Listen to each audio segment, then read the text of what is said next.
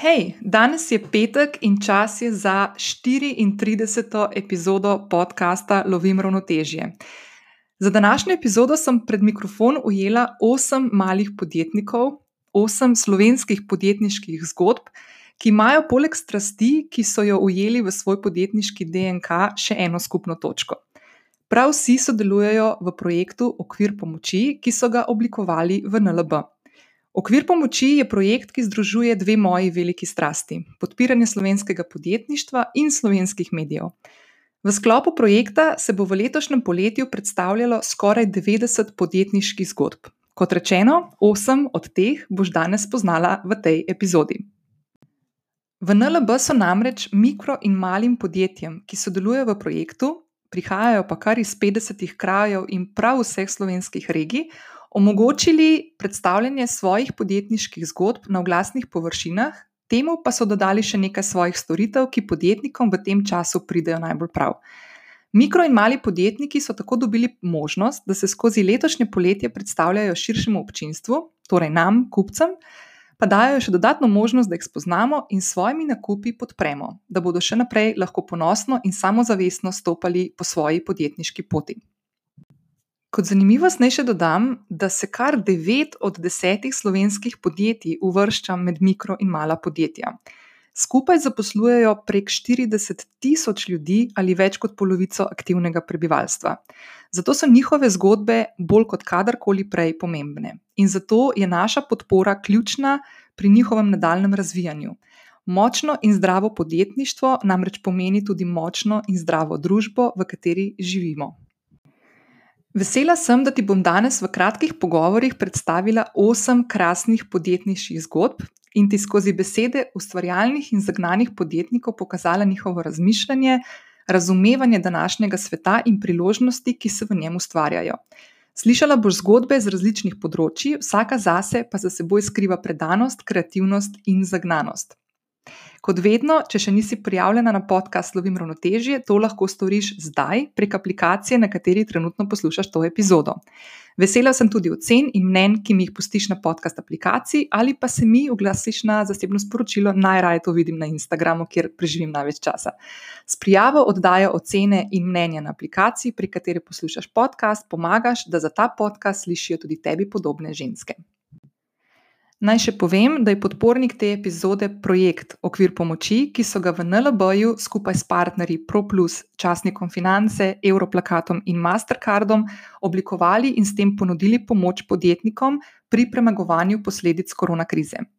Med drugim je NLB svoj poletni oglasni prostor podaril podjetniškim zgodbam, da bodo njihove zgodbe prišle v številne slovenske domove. Pomagaš pa lahko tudi ti. Skupaj smo močnejši. V zapisu te epizode, ki ga najdeš spodaj v opisu te epizode, boš našla vsako od predstavljenih podjetniških zgodb, ki jih boš danes slišala v 34. epizodi podcasta Lovim ravnotežje. Preden skočiva in spoznava teh osem krasnih zgodb malih podjetnikov, ki sem jih nanizala po abecednem vrstnem redu, ti želim povedati še nekaj. Pogovori so bili posneti nadaljavo, zato je možno, da bo prihajalo do rahlih sprememb v zvoku. Upam, da te to ne bo odvrnilo od poslušanja celotne epizode, v kateri boš lahko slišala resnično navdihujoče zgodbe. Ne pozabi še, da lahko v zapisu epizode, ki je spodaj v opisu, najdeš tudi vse povezave do predstavljenih podjetniških zgodb, zato da ne boš zgubljala časa in da jih boš lahko hitreje podprla. Prva podjetniška zgodba, ki jo bomo danes poznali, je blagovna znamka The Base Label, za katero stoji Alja Perne, vplivnica, blogerka in modna navdušenka, ki je svojo ljubezen do mode združila v znamko, ki je namenjena sofisticirani ženski. Takšni, ki pozna svoje vrednote, ima oko za lepe stvari in ceni oblačila, ki so narejena iz najboljših materijalov.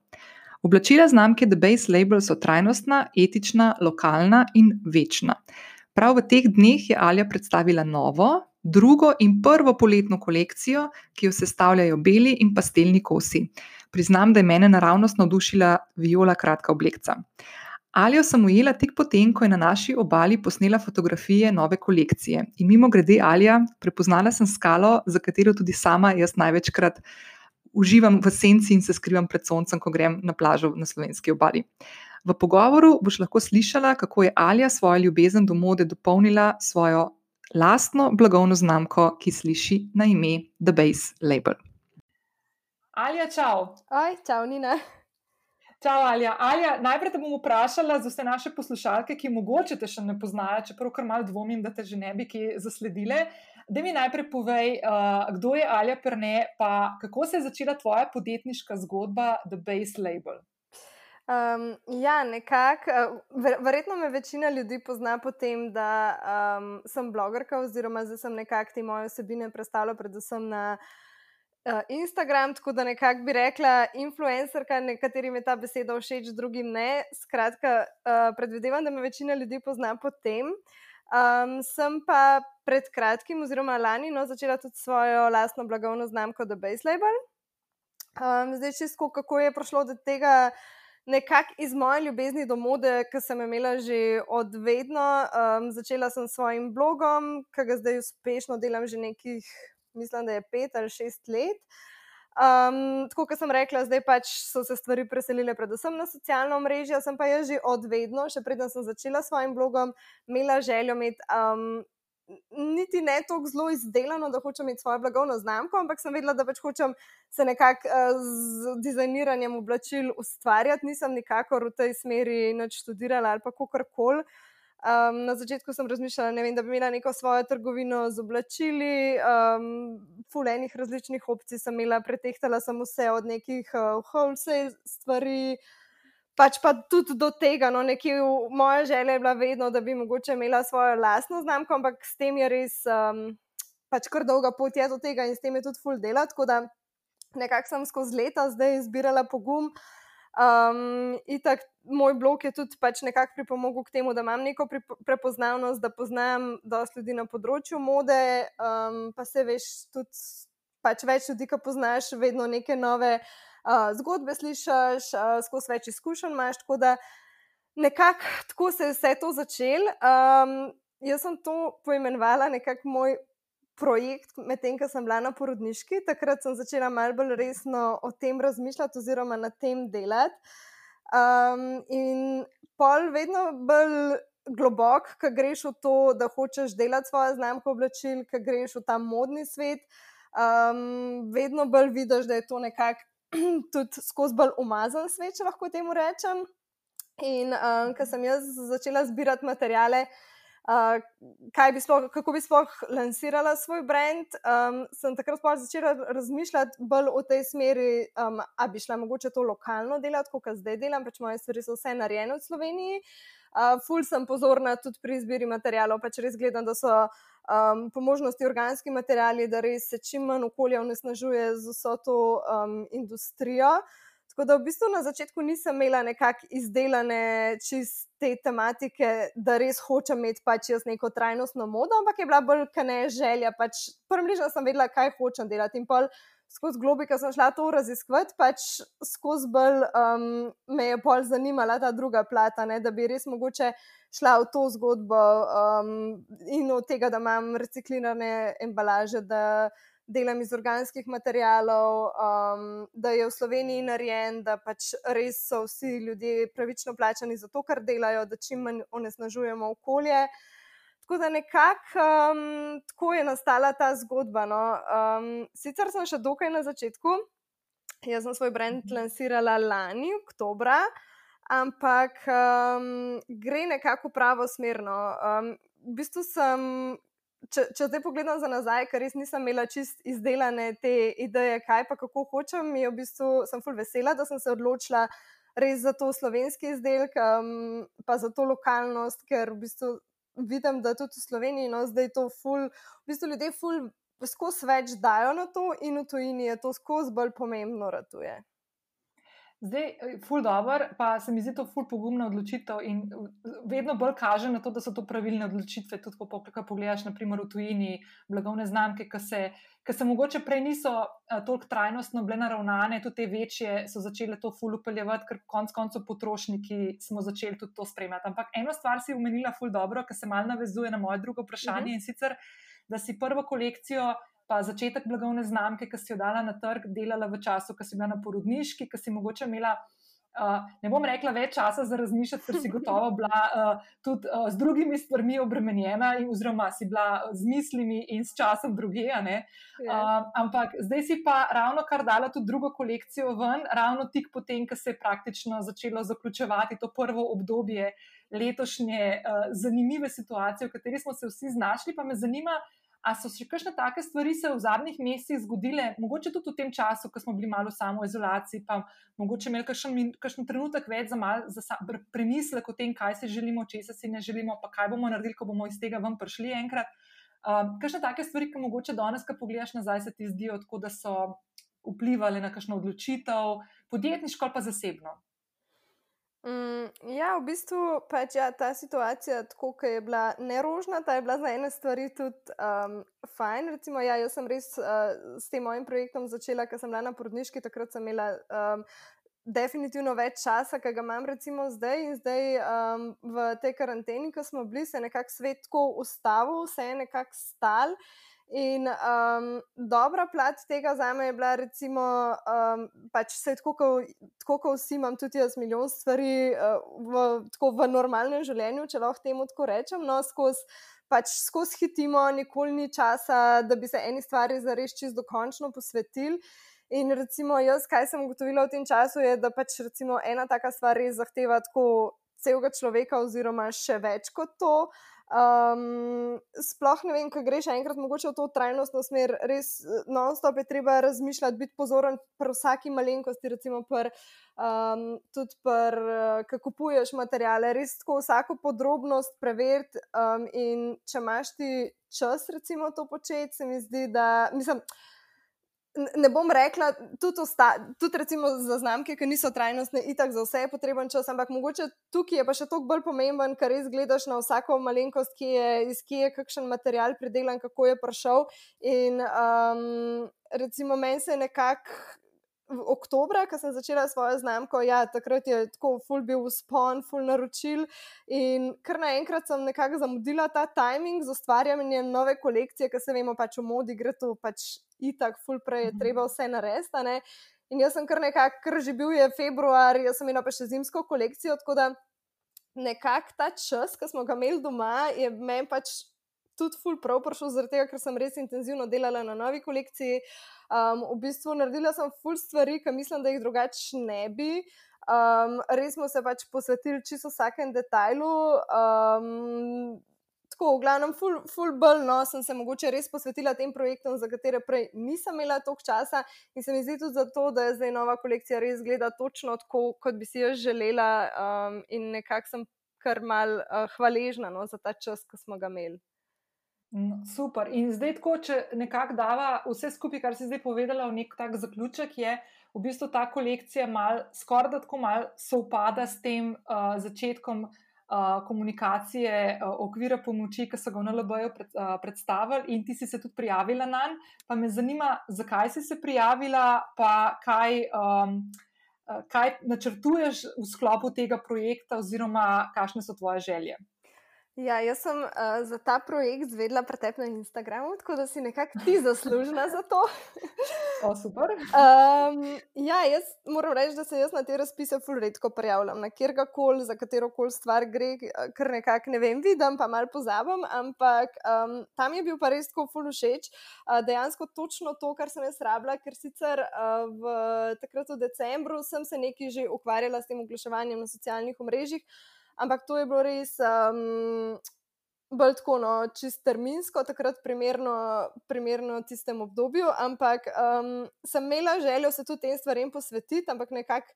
Mi je vedno zmanjkvalo časa, um, in zdaj mi v bistvu to full prav pride, zato ker nekako se upada s tem časom, ko sem jaz lansirala novo kolekcijo. Tako da um, zdaj mi je to idealno, da bo to oglaševanje prišlo točno zdaj, ker je nova kolekcija zunaj. Um, ja, pa, se bom pa osredotočila na uh, digitalne medije. Pač jaz imam spletno prodajo, uh, sicer tudi v, v nekaterih trgovinah se dajo dobiti oblačila, ampak tako po večini no, je to spletno. Tako da se bomo osredotočili predvsem na oglaševanje na um, Google, Instagram, Facebook, um, tako da tam bo, bodo lahko videli več od The Base Label. No, odlično. In zdaj, um, glede na to, da jaz, ko se spomnim uh, zimskih mesecev, so uh, tvoji kosi zelo hitro šli. Uh, Uh, vem pa, ker to, kar sem en uč vrgla na ta novo kolekcijo, sploh na tisto lila oblekcijo, sploh ne morem verjeti, da je taka barva moja, moja, primarna, ampak mi je bila ful všeč. Jaz mislim, da, da je treba, ful je lepo res. Jaz mislim, da je treba kar malo skočiti uh, kali na The Base Label uh, in uh, pogledati malo te kose, pa podpreti Alijo in tudi konc koncev vse. Uh, ustvarjalce, s katerimi Alja dela in prihajajo iz naših krajev. Tako da, Alja, ful, hvala, da si si vzela čas. Uh, jaz ti želim, da rasturaš tudi s to kolekcijo, tako kot si s prvo. In se slišva v priliki spet kaj. Ja, hvala, Nina, pa hvala, ker si mi povabila v svoj podcast. Jaz ga redno, pridno poslušam, tako da um, sem ful ponosna, da sem lahko del tega. Z veseljem, Alja. Hvala. Okay, hvala, čau, čau. čau, čau. Naslednja podjetniška zgodba je Beeping, ki je leta 2018 prejel naziv Naj-Startup leta. Kot pravi moj sogovornik, je Beeping Uber za čiščenje gospodinstv. Če pomisliva, da povprečno slovensko gospodinstvo tedensko kar pet ur nameni za čiščenje stanovanja, potem je jasno, zakaj je Beeping postavil krasen prostor za ustvarjanje časa za prijetnejše stvari v življenju. O tem, da je čas naša najpomembnejša valuta, smo govorili že v tisti epizodi, ko smo se učili čarobne besede ne. In časa nikakor ne moremo dobiti nazaj. Ko enkrat gre, ga ne dobimo več nazaj. Zato ti lahko tudi čistilni servis pride prav, ko boš ti v tistem času naredila naprimer svoje delo ali pa kakšen sestanek, ali pa si enostavno vzela čas za ljudi in stvari, ki te v življenju napolnajo z energijo. Beeping poleg zavarovanja svoje storitve nudi tudi 100-odstotno garancijo za upravljanje storitev, osebnega asistenta za upravljanje tvojih naročil in enostavno spletno naročanje, kjer lahko izbereš storitev, ki bo resnično pripravljena po tvoji meri. Pa poslušajva pogovor, ki sem ga posnela z Davidom, enim od soustanoviteljev podjetja Beeping. David, pozdravljen. Živijo, čau, čau. Živijo. David, uh, bomo najprej začeli na začetku in sicer, kako se je začela vaša podjetniška zgodba Beepinga. Če lahko malo poveš, pa predstaviš mogoče tistim poslušalkam in poslušalcem, ki še ne poznajo. Ja, seveda, z veseljem. Um, ja, noč podjetniška zgodba Beepinga se je začela um, z dolgoletnim poznanstvom z Janom, mojim co-founderjem. Um, z Janom se poznamo že dosti, dosti časa naprej, ker je on še uh, bil v teh uh, bistrih uh, korpo uh, vrstah uh, enega velikega slovenskega naftnega trgovca. Tako da, um, v bistvu, polno smo na koncu prek enega skupnega prijatelja na koncu prišla do tega, da je vsak na svojem koncu nekako uh, razmišljal in si razbil glavo, kako v bistvu štartati eno platformo za on-demand servise. Ne. Tako da, čist po nesreč, zares smo vsak na svojem koncu v bistvu tako uh, delali in, in ta skupni prijatelj združil. Kar smo zelo hitro ugotovili, v bistvu, um, je, je to, da smo mi nekako takrat, je bil v tistem času, 2015-2016, je bil v bistvu ta Airbnb v Ljubljani precej uh, boom, um, kar je za sabo potegnilo to, da je bil v bistvu na velikem delu marketa uh, ostali spremljajoči servisi, dosti tako pač. Uh, Premalo ponudbe za resne, ali pa premalo zgoščeno. Tako da smo se mi, dva, bom rekel, kar let, oziroma pol leta delali in uporabniške intervjuje z Airbnb, hosti, z čistilci in ugotovila dejansko, da je, da je glavni problem Airbnb, imajo ogromno začiščenje, ker to je res rekel, pomemben servis, pri mhm. kvaliteti v bistvu oddajanja. Na drugi strani pa en kup v bistvu razočaranih čistilcev, ki so bili, bom rekel, ogromno krat oškodovani strani strank, težko so se najdli do posla. Eh, prišli do nesreč in, in jih so jih mogli kriti dejansko iz vlastnega žepa. Tako da v bistvu tako je nastal Biping. Um, bom rekel, glavni konkurent nam je dejansko črni trg. Tako da mi, jaz se upam trditi, da smo mi nekako uh, počasi, bom rekel, nekako uh, ta črno ekonomijo, bom rekel, spravljamo na neke legalne, urejene uh, tirnice. No? Um, glavno smo pa zdaj v bistvu zaenkrat prisotni tukaj v Sloveniji. Mogoče za poslušalce, ki nas ne poznajo, kaj smo mi, zdaj na kratko, mi smo v bistvu Uber za, za čiščenje gospodinstva.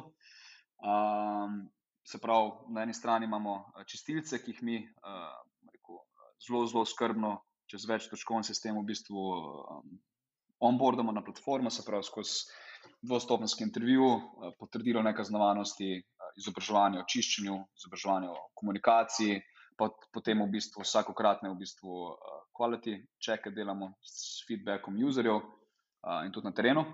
Na drugi strani pa v bistvu zagotavljamo se pravi redna plačila, vsi čistilci imajo urejene legalne statuse in v primeru škode krijemo v bistvu do 100 tisoč evrov za partnersko zavarovanco uh, celotno čiščenje. No. Zdaj, tako bom rekel čisto na kratko. No. Zdaj, začel sem pri Airbnb-u, zelo malo, ker smo, ko smo uh, prišli na trg, se je naša hipoteza zelo hitro izjelovila. Okay. in smo ugotovili, da je Airbnb definitivno ni to prav trg in je fuj začel grabiti v bistvu gospodinstva. Um, tako da smo dejansko danes, glavnina našega revenja so v bistvu redni naročniki v gospodinstvih. A se je to, David, zdaj kaj v času, ga, eh, v katerega smo vstopili v letošnjem letu s pandemijo in podobnimi izzivi, a se je to kaj poznal, da je fino, da naprimer ne, ne baziraš eh, posla na eno tako stvar, ki je tako zelo vezana na turizem, kot so Airbnb?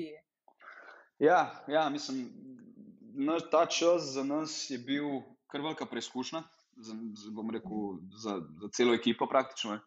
Um, mi smo, bom rekel, ob teh izrednih situacijah, ki je bilo se zgodilo takrat marca, že par dni pred, pred v bistvu vladnimi ukrepi, čisto iz naslova odgovornosti in do naših strank in do naših čistilcev, a, mogli v bistvu popolnosti zaustaviti vse aktivnosti.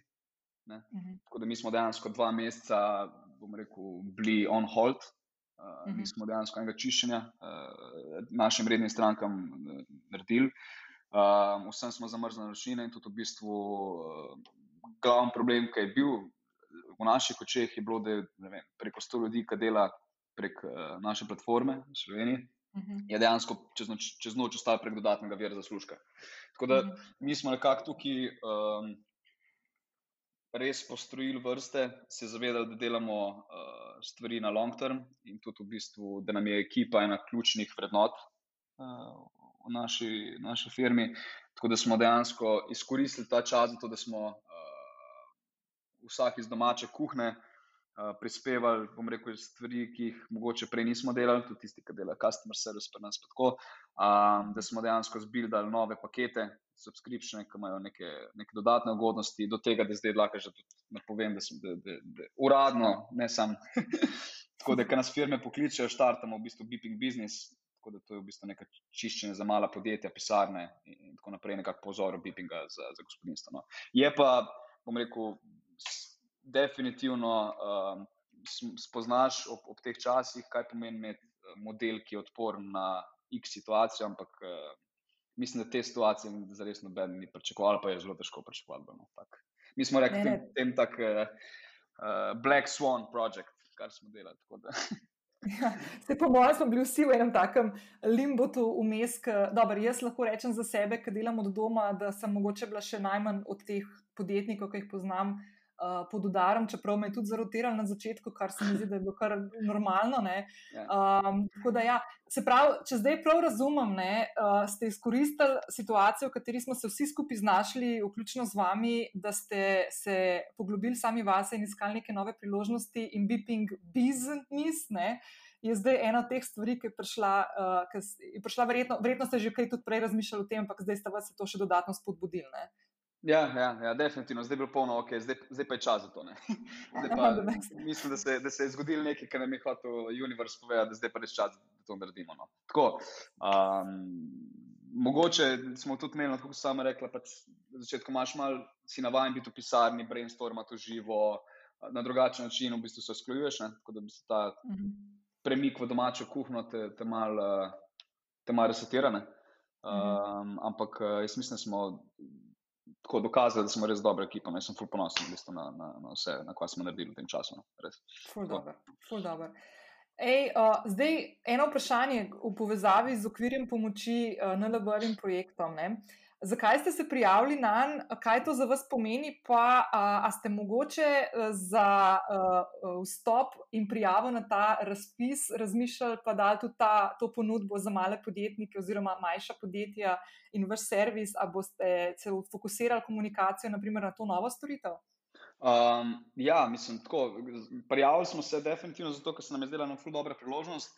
Že dolgo časa z NLB-jem smo, smo klienti, so v bistvu tudi fleksibilni, kar se tiče, kot pač lahko so, kot tako velika organizacija, mm pač, uh, kar se tiče naših potreb, ki so včasih lahko specifične kot online biznis. Um, imamo že tudi v preteklosti dobre izkušnje z tem ponudniki v bistvu plačilnih uh, načinov.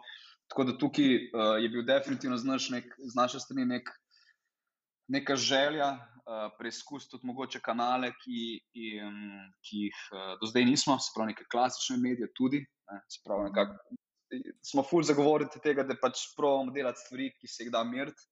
Pri mhm. klasičnih medijih je običajno to. Je relativno velik vložek, pa merjenje, ful v bistvu, um, ful težko delati, ne? še posebej na uh -huh. televiziji. Tako, uh -huh. tako da tukaj um, ful pozdravljamo v bistvu to uh, okvir rekel, tega pomoči strani NLB-ja, to, to inicijativo se mi zdi res na mestu. Uh, in pa če mogoče še, bi se rad še tukaj zahvalil. No.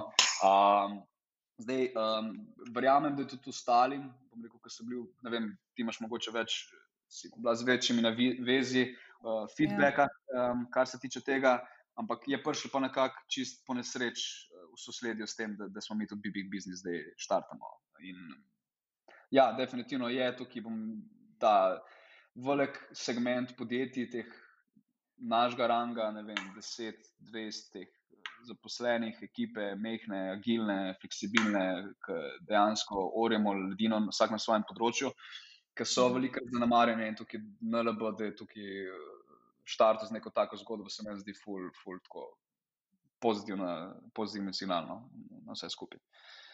Ne, super, definitivno. In tako, kot sem ti rekla, prej smo začeli danes snemati, sem zdaj, ki se s tabo pogovarjam, ti moram reči, da si dubo stranko novo, zato ker um, moja sestrica je že skoraj eno leto vaša stranka uh, in je ful zadovoljna, kot sem ti prej razložila, ful je vesela, ful je, ful je, ful vedno lepo jo presenetijo s kakšno malenkost, od koga pustijo, kakšno sporočilce, vaše čistilci in je čisto, čisto excited. Tako da jaz sem zdaj, kam idva zaključila tale pogovor, skočila na vašo stran in si bom mal pogledala in definitivno najela uh, tudi čistilni servis. Jaz sem ga pred leti imela, Aha. sicer enega od teh na črno.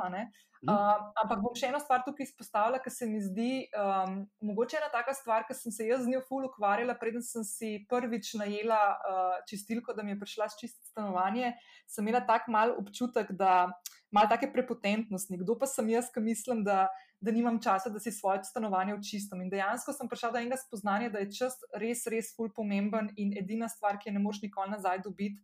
In če imaš možnost, da v tistih dveh, treh urah ne, narediš kakšno stvar, ki je za tvoje podjetje ali pa za družino, konc koncev pomembna, uh, ni s tem nič narobe in je ena od takih lepih stvari, ki jih lahko narediš konc koncev tudi za sebe. Uh, pa si, ali pa vzameš čas za kakšen počitek ali kar koli tazga. No. Tako da se mi zdi taka stvar vedno ful na mestu. In, um, tako, da, ja.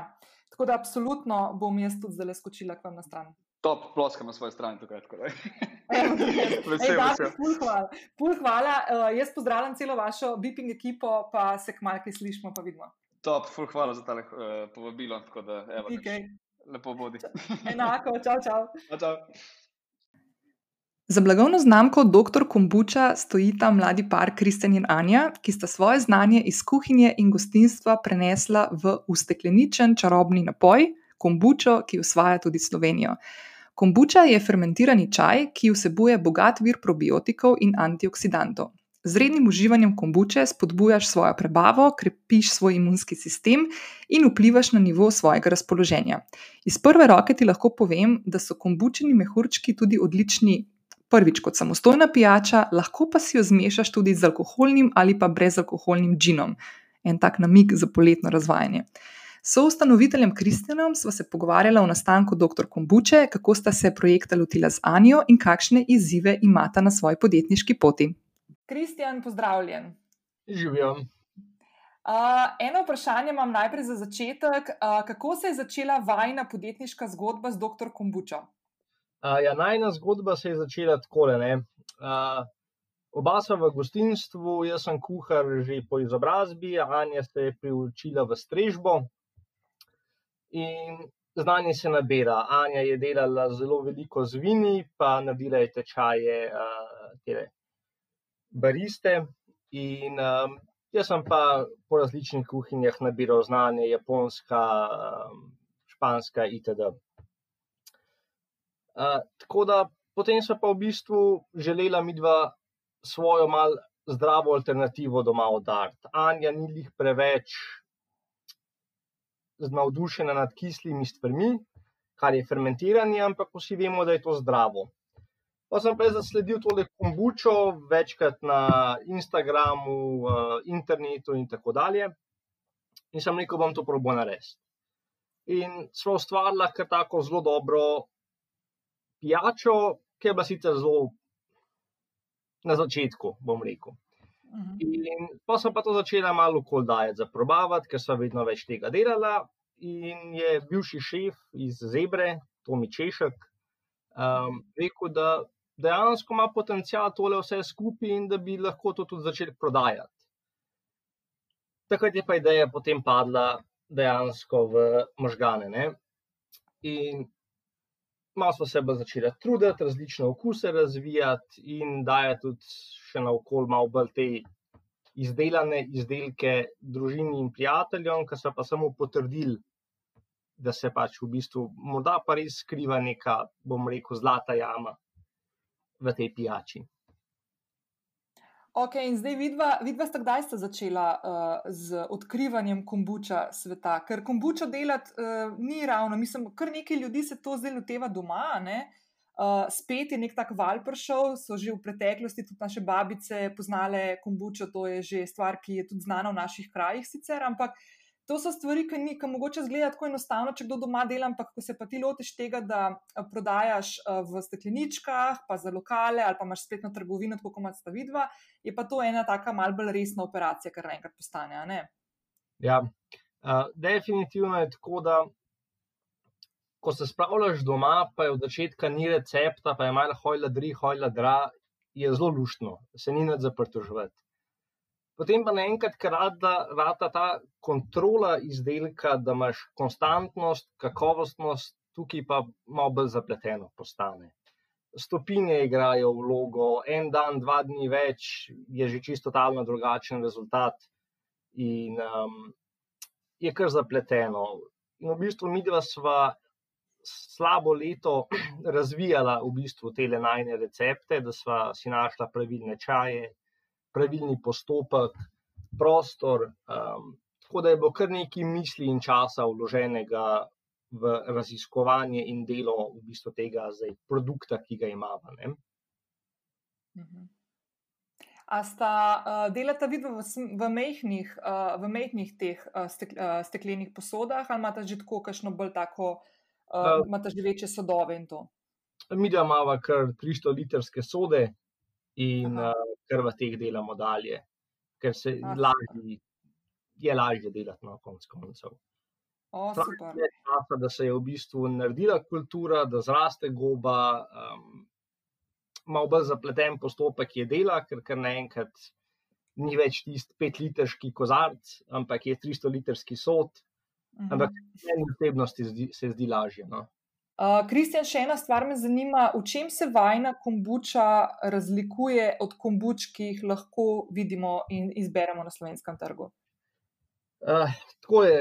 Rekl bi, da se razlikujeva v tem, da se pri najdvih opazi gostinsko ozadje, uh, veliko je enega znanja, enih ur um, in v bistvu tudi let dela, ki smo nabirali znanje. Um, Najn cilj nek je, da naj produkt uvrstiva med radensko, domače dedene čaje in pa seveda Coca-Cola, Fante in radenske v lokale. Ker se nam zdi taka primerna varijanta za vse tiste, ki so se vsega tega že napil, preprobal in seveda vse tiste, ki ne želijo uživati alkohola. Um, strmiva pa zelo k temu, da je produkt čistega okusa, da je jasno, kaj se pije, in pa seveda, da je ta zdrava komponenta kombuče samo tisti plus k temu, da je produkt sam po sebi že odličen.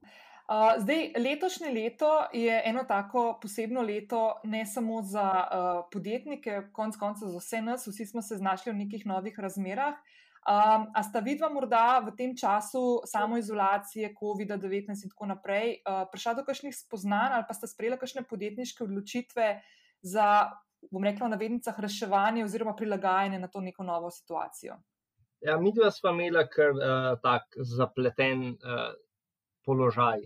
In sicer Pod prvo smo se hoteli tega lotiti kot popoldansko dejavnost, ker um, vložki so veliki, ki se enkrat spraviš malo na večje. Imeli smo že vsem dost našparan, ampak vse je lažje delati, pa služiti zraven, pa zraven razvijati projekt. Je več dela, več ur, ampak se zdi lažje.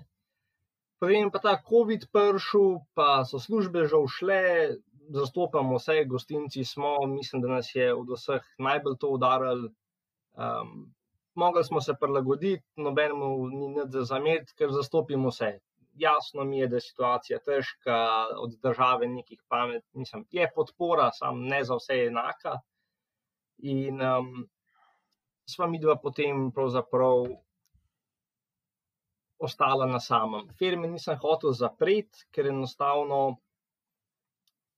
sva imela dober produkt, dobro zastavljeno zadevo. In sva rekla, da grem jaz na polni SP, in smo začeli. Ampak to je bil čas COVID-a. Mhm. Nadomestil nisem dobil, zato ker sem v prvem letu odpiranja SP-ja in mi niso pripadala pač uh, nadomestilo za plačo. In smo v bistvu imeli kar malo boja z vsem skupaj, eh, kasneje eh, v avgustu se še poročiva in smo mogli malo živeti ven iz eh, teh najnih prihrankov za poroko.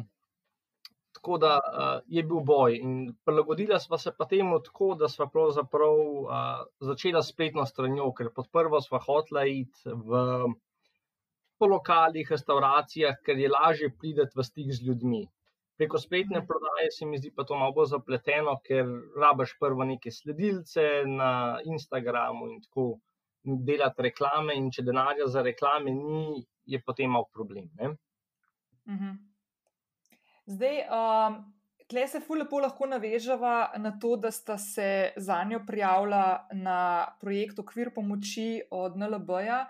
Uh, zakaj ste se za to odločili, kaj bo to za vaju pomenilo, in uh, ali ste za ta projekt morda pripravili kakšno posebno aktivnost ali pa način komunikacije, karkoli tazga, uh, da ste se dodatno še pripravili na sodelovanje v znotraj okvira pomoči? Um, ja, na sodelovanje sem se prijavila zato, ker je zelo lepa gesta pomoči nam, um, mikro in malim podjetnikom. Eh, vsi vemo, da je promoviranje draga stvar, sploh pa reklame na televizijah in eh, radijih, eh, socialnih omrežjih. In je bil to zelo, zelo odličen primer, da lahko to izkoristimo in da nas podprejo. Tako da Zdaj se nam je zelo lepo, dobila smo vso uh, podporo, pomoč, večkrat so naj vprašali, če imamo vse, a zastopva, a bo šlo. In smo v bistvu imeli zelo um, dobro izkušnjo z vsem skupaj.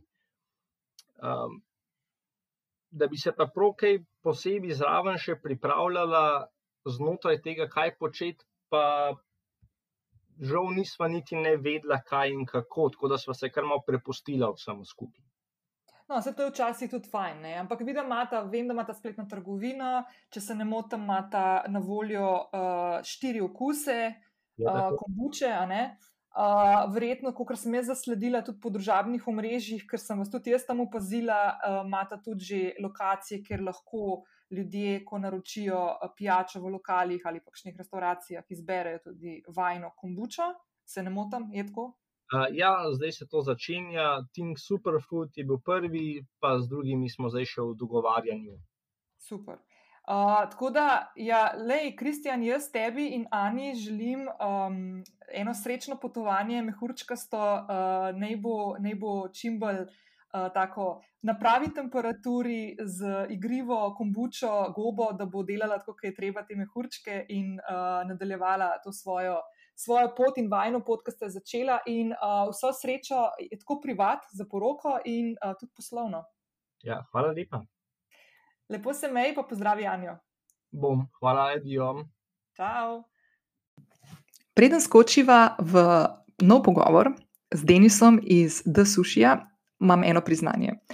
Moje prvo srečanje s sušijem se je zgodilo leta 2003, ko sem tri mesece preživela v avstralskem Sydneyju in sem stanovala zraven suši restauracije. In moram povedati, da ko sem prvič probala suši, mi ni bil všeč. Tako zelo mi ni bil všeč, da sem mu naslednjo šanso dala šele, nek, šele nekaj let kasneje, potem v Ljubljani. Takrat mi je ukradel srce in praktično ne mine teden, ko ne bi vsaj enkrat skočila na suši. Denis, ki svojo izbranko ustvarja The Sushi, pravi, da izpod njegovega noža pride suši, da te zruši. Za svoje naročnike iz Ljubljana in okolice pripravlja personalizirane suši pakete, ki jih lahko celo dekorira na način, da se bodo povezali s tvojo tematsko zabavo. In še nekaj. Denis pravi, da je The Sushi poseben tudi v tem, da je v svojo ponudbo prilagodil in jo naredil na način, da bo nekako zajela tudi okus slovencev. Se pravi, da v njem te ne bo pričakal suši z zelo močnim in izrazitim wasabijem, to je močan japonski hren, ki mnoge od nas malo preseneti in nam ni všeč, vsaj na začetku. Meni iskreno je wasabi ful dobr, ampak poznam veliko ljudi, ki ima s tem malo težave. Tako da se je Denis odločil, da wasabija v sam suši, ko ga zarola, ne da, ampak ga priloži, tako da lahko potem wasabi doziraš po svojem okusu. Pa poslušaj pogovor s suši mojstrom. Denis, pozdravljen. Ja, živijo. Živijo. Denis, uh, The Sushi je tvoja blagovna znamka, uh, delaš suši, si ljubitelj sušija, pripravljaš ga tukaj v Ljubljani. Uh, zanima me, kako uh, se je začela tvoja zgodba s sušijem in zakaj ravno suši. Ja, ja, sem ljubitelj sušija, ja, to je res. Zdaj, zgodba začela se je spontano, spontano v bistvu, crka pred kakim letom, ne, mogoče malo prej, še tisti začetki, osnovni, ko so bili. Zdaj, povod tega je pač strast do kuhanja, hobi. Od rane mladosti sem že tako pač kuhal, ne, zelo pač to me je, to me je navdajalo. Ne. Pa feedback je bil vedno zelo močen, od, ko sem pripravljal hrano in tako naprej. Ne. Pol je pa pač življenje me peljalo v Ljubljano, selitev v Ljubljano, partner, ko sem spoznal tam. Ne. In pol počasi se je začelo. Ne. Kot ljubitelj sušija sem začel pač pripravljati suši za domače prijatelje. Odziv je bil fenomenalen. Pol je pač kliknila v glavi ideja, ne, dajmo, dajmo suši v Sloveniji predstaviti, dajmo ga ponuditi, dostavo na dom. Pol tako smo pač začeli preko družbenega omrežja, socialno-družbenega omrežja, to je zelo pač taka fina zadeva. Meni vsaj bila, to je bila tako štart. S tega smo začeli in počasi se je zgodba začela odvijati, vedno hitreje, ne. Super, in zdaj si že kakšno leto, si rekel, notri v tem, da je to tvoja poslovna ideja in uh, v Ljubljani in v okolici Ljubljane razvažaš svoje sušije. In kot sem te jaz razumela, ker smo se pogovarjali včeraj po telefonu, si mi povedal, da, da stvar zelo dobro teče, da zelo veliko imaš popraševanj. In uh, tudi jaz sem te danes komaj ujela, uh, da si si vzel nekaj trenutkov časa, da se pogovoriva malo o tvoji zgodbi in o tem, uh, kaj si kaj si delal v zadnje mesece in uh, kaj, kaj pripravljaš za naprej. Ja, ja, ja, dela je dosti. Ja. V bistvu pač delam sam z partnerko, ne. to se pravi, da je zelo dosti tega. Organizacija, nabava, vse to sprejemati, naročila, zadovoljiti stranke, delamo predvsem na kvaliteti. Ne. To je glavno vodilo, ne. ponuditi. Pač cena je tudi ugodna, tako da se predstaviti z malo drugačnim sušijem, to je cilj, ne. Pridobiti čim več strank na račun tega, ne. Super. Uh, Denis, mi nekaj povej, zdaj, ko je bila ta situacija s pandemijo, ko smo bili vsi zaprti in je ogromno enih takih podjetniških idej, ki so vezane na to, ali na dostave, ali na neke stike z ljudmi, um, so, mal, so bile vsaj v prvih dneh gotovo malo uh, so se ustavljene. Ampak kasneje, pa če sem jaz te prav razumela, si pa ti imel kar precej dela in si kar dobro uh, ujel to novo nastalo situacijo. A so kakšne take uh, odločitve, ki si jih moral sprejeti ali pa se prilagoditi tem novim razmeram, da si se na hitro znal potem znajti v takem okolju tudi svojim podjetjem in svojim, da sušijem, uh, lahko mogoče kakšno stvar na to temo poveš? Ja, ja, začetek 19. Ja, COVID, to je bila kriza. Ne. To je, začetki so bili, v bistvu je vse mrknilo, tema, ne. ni bilo naročil, tisto strah, kaj bo zdaj. Pa počasi se je začelo odvijati, so začeli ljudje klicati, če delamo, dostavljamo, ja, seveda, delamo, ne, z veseljem. Pol pač trebalo je pač se prilagoditi trgu, ne, in trebalo je pač pol partnerka je šla v akcijo, tako da smo začeli s plačilno kartico, ker tega pač ni bilo kot mlado podjetje, nismo tega imeli, ne. V štartu, ne. To je bila tista prva poteza, ne. Pol smo se oglaševali še več na družbenih omrežjih, pol je pa počasi rasla spet. Naročila so prihajala. Pol smo se, tudi smo se organizirala, smo šla v druge občine, Maribor, Koper, bilo zelo odziv velik, povpraševanje. Da smo se nekako znašli na tak način in smo naprej delali svoj posel, tako kak treba. In potem sta se, in potem sta se v bistvu prijavila tudi na okvir pomoči, ne? Kako sta pa slišala za ta projekt in uh, kaj to za vaj, za, za podjetje, da suši sploh pomeni sodelovanje v takem projektu? Ja, partnerka je slučajno zasledila ta oglas na panojih in ona se je pač organizirala sama, odzvala, napisala vse. Jaz sem pač bil malo skeptičen, ja, saj to je zdaj tako, sem tja, ne. Pol ko smo bila izbrana, sem bil ful navdušen, ne, in še zdaj, ne. Vsekakor, ne, to je pripomoglo še večje prepoznavnosti. Ljudje skličejo, sprašujejo, zanima jih, kdaj suši, ne. In to je to, ne, to. To je samo potrditev, da Desuši pač dela dobro in gremo naprej. No, super. Denis, najlepša hvala. Jaz, kot ljubiteljica sušija, uh, bom gotovo uh, tudi probala te ujeti in spoznati tudi na tem nivoju, da bom uh, ugriznila kakšen tvoj suši. Pa ti želim obema, no? želim, da vam full fine teče nož in da imate čim več klicev in povpraševanj, in da, da suši še naprej razveseljuje ljudi, ki naročajo pri vama. Ja, hvala, hvala. Jaz bi povabil vse, recimo, ljubitele sušija, suši loverja, ne? naj se naročijo, da suši probajo. Tudi tiste, ki so imeli prvo izkušnjo, recimo, ne, in je bila zelo za njih slaba izkušnja, ne, in poveč, mogoče bi ponovno lahko probali de suši, pa seveda tiste tudi, ki še niso nikoli jedli sušija, ne. Tudi teh je mnogo strank in so zelo zadovoljni, probajo in je mogoče de suši malo drugačen od ostalih, ne. Se priporočam. Saj jaz bom, jaz bom tudi vse stvari po, polinkala, tako da tisti, ki vas zanima uh, zgodba de sušija in bi probali in naročili, uh, imate tukaj v zapisu epizode tudi uh, linke vse, tako da greste lahko tja in se direktno z Denisom povežete in vam bo pripeljal in pripravil za vas suši. Tako da, Denis, najlepša hvala. Jaz ti želim en krasen dan, super poletje in uh, samozavestno hojo naprej po suši svetu. Hvala, hvala. hvala želim enako. Naslednji sogovornik prihaja iz doma za semi odgovorne hedoniste, ki sliši na ime Kuča. In jaz lahko priznam, da je Kuča moj drugi dom. Če živiš v Ljubljani ali pa med tednom ali ob sobotah do povdan skočiš v prestolnico in se še nisi ustavila in spoznala kuče, moraš to enostavno narediti in to čim prej. Kuča je prostor, kjer živi hrana, pa dobra energija in občasno tudi kakšen fin dogodek, ko se bomo spet lahko malo bolj družili. Pa se teh res zelo veselim, ker je vedno, vedno, vedno fulfino. V kuči boš vedno dobila sveže in lokalne sestavine, ki jih bodo njihovi mojstri rastlinske prehrane pripravili v krasno sočne in uravnotežene obroke. Evo, jaz ti svetujem, da začneš z mojim najizborom, hodogom in kombučo, potem pa nadaljuješ kakšno siso, serđotom ali pa pico. Kuča je več kot restauracija, je odgovoren prostor druženja, ki poleg okusnih jedi obiskovalce tudi izobražuje, kako je lahko v svojem življenju pri izbiri hrane odgovoren. To vedno počne na zelo neusiljiv in zelo kučino duhovit način, po čemer so znani in prepoznani daleč naokoli. Kako se je kuča začela, odlično spopadala z virusom in kaj vse pripravljajo, pa v pogovoru s soustanoviteljem in tistim, ki skrbi za kučin jezik in znamko, Vladimir, izvoli. Čau, Vladimir, kako si? Ne, živijo, kar kul. Kar kul.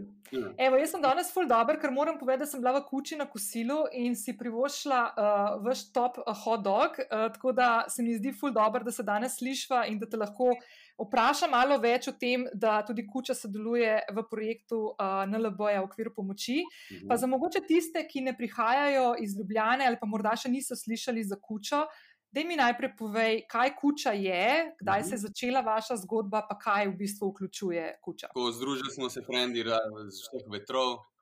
Um, in nekako um, mislim, da moja osebna zgodba je relativno podobna ostalim in sicer bolj, ko sem tranzicioniral v neko uh, um, plant-based dieto uh, in, in, in obroki, ki sem si jih delal doma, takšne sem želel tudi videti um, drugot po svetu.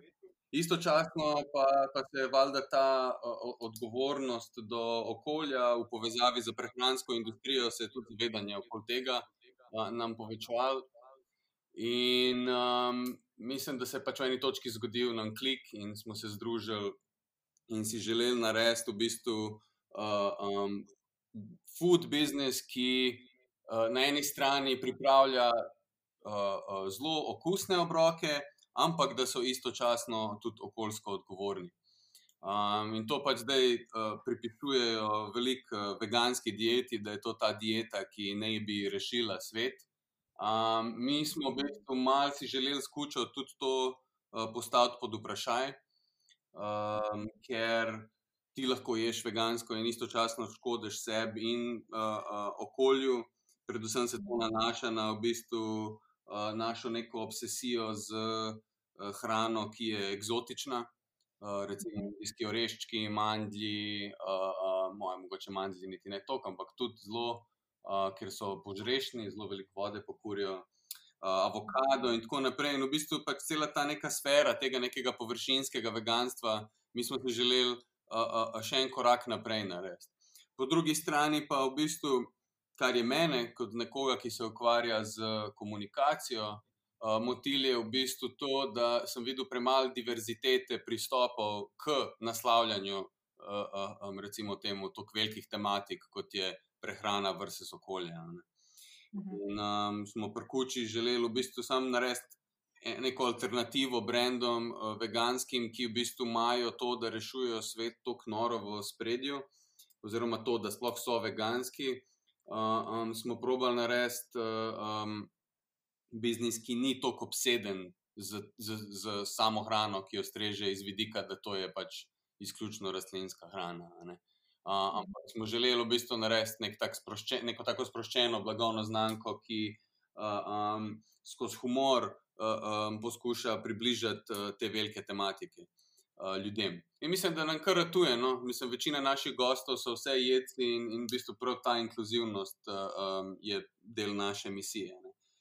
No, evo, točno to, če ti lahko sam to skočim noter. Jaz sem ena od teh ljudi, ki naprimer jem vse. Imam sicer občasno kakšno obdobje, ko sem bolj rastlinsko osredotočena uh, in se naprimer po mesece uh, prehranjujem rastlinsko, mhm. ampak naprimer v zadnjem obdobju sem spet vse jedka in meni, naprimer, uh, ko pridem v kučo, ki mi predstavlja tudi en tak full lušen, zanimiv, prijeten prostor druženja, kjer se ogromno enih stvari odvija poleg same kulinarike. Uh, uh, se mi zdi tako vedno full fine in hrano, ki jo dajete, res tako je full premišljeno sestavljena. In kar mi je full pomembno, je to, da so vsi obroki v bistvu tako res uravnoteženi obroki z vsemi makro in mikrohranili, ki jih pač človek potrebuje. In jaz, na primer, to pogrešam. Pri velikih restauracijah, okrog, ki jih tako obiskujemo, doskrat to pogrešam. No? Da je veliko enih oglikovih hidratov in veliko premalo vsega ostalega. Ne? Tako da ja. prvo mi je, te so mi te stvari, naprimer, full všeč in, um, in je to res mi tako top. Ja. Tako da, ja. Thanks, ja, to, je, to, je, to je kar ta scena, ja, v bistvu. Prav to, kar si rekla, veliko oglikovih hidratov, in pa tako imaš en sprinkle nekih zanimivih stvari čez, in to poješ v treh zalogajih, pa poln riž na te pavaš. ja, in si potem spet lačen čez eno uro. Ne, ja. Tle si pa res, naprimer, dobro, čeprav sem danes v hodok pojedla, ker sicer ima to štručko, pa vse, ampak ne glede na to, je z družminarjem in tako imam občutek, da bom pol do ene do osmi zvečer. Blasita in zadovoljna, in tako naprej. Tako da super.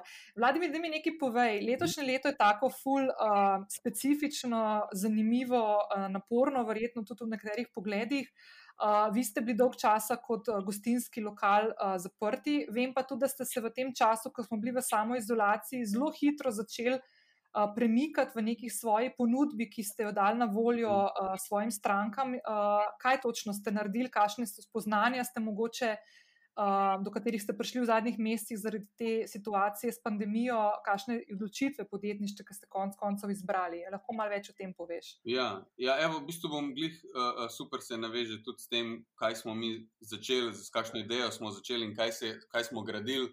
Posledično, ne, ker smo mi bili na začetku bistro, želeli smo si imeti tudi svoj razvoj produktov, ne, da naredimo neko alternativo um, rastlinskim uh, um, nadomestkom mesa in sira, ki vsi bazirajo na, trenutno na indijskih oreščkih, apamantih in tako naprej. Uh -huh. Tako da ta uh, uh, um, vizija, da imamo food business, ki je bistro na eni strani, pa pa um, lastna proizvodnja izdelkov na drugi, se je potem, zato ker smo po nekem naključju bili v prevelikem prostoru začela malo nadgrajevati postopoma. Ne? In smo pol dodali, kot veš, delikateso, mhm. pekarno um, in um, potem še pizzerijo, čist na začetku leta, oziroma na koncu prejšnjega leta. No, in po, po je pa prišla pandemija. Uh, in v bistvu, uh, če izključim vse to negativno, kar se je, uh, um, seveda, zgodilo, ker smo bili zaprti, ne, kar mislim, ni, treba veliko teoretizirati, kaj pomeni za, za biznis, da absolutno je čist odrezan od svojega vira prihodkov, zraven pa v bistvu mora vse stroške naprej plačevati. Mhm. Iz tega vidika pač zelo velika bula, ampak pozitivno vsemu temu mislim, da se je ta naša vizija, kako točno ukalupiti naš biznis, uh, uh, uh, vizija, kaj točno mi želimo sploh postati, se je pa zelo uh, poglobila v tem času. Veš, kaj se ti naredijo mhm. razpoke po svetu, mm. luč in mislim, da je bilo tako zelo katarzično za nas. Um, predvsem iz vidika, da mi smo potem, evo, kaj, kako so šli, uh, kakšno bo zaporedje dogodkov. Prvi teden smo takoj smo začeli gajbice dostavljati. en teden kasneje je v bistvu že cela Ljubljana dostavljala gajbice, zdaj se je, da pač ima gajbico zate. Um, in pa smo dva tedna kasneje, torej tri tedne po začetku karantene, uh, odprli kar fizično trgovino. Um, in to je bil za nas, mislim, da ta, um, ta glavni move, ki, ki nam je vsem potem naredil ta aha moment, točno mi, kar gradimo, je celosten plant-based market, ki je posvečen prodaji izključno regionalnih. Uh, uh, um, jedi, um, pač, oziroma prodaji uh, um, hrane, ki izhaja iz regije. In v bistvu, če, če da metaforo, kar mi delamo, je neke vrste alternativa večjim supermarketom. To, to je zdaj ta uh, narativa, ki jo mi razumemo in kaj si želimo zgraditi. Ker, uh, um, veš, posod gledaš, kako se pojavljajo razni um, novi supermarketi, pismo na, na, na vsakih 30 metrov se en pojav. In vse je isto, vsi prodajajo procesirano hrano iz celega sveta. In to je samo nek, eh, nek kulinaričen marketinški spektakel, ki nima veze s tem, da se pač mi kot ljudje properli nahranimo. Um, in jaz prisežem, da sploh ne vem, kaj več je tam hrana, vseh teh stvareh. Pač 90% onega tam jaz sploh ne prepoznavam več kot nekaj, kar bi dal vase. In je tako. To v bistvu si mi želimo zdaj preusmeriti v to smer, da dodamo še več produktov in da še to kraširimo uh, uh, um, ponudbo znotraj marketa.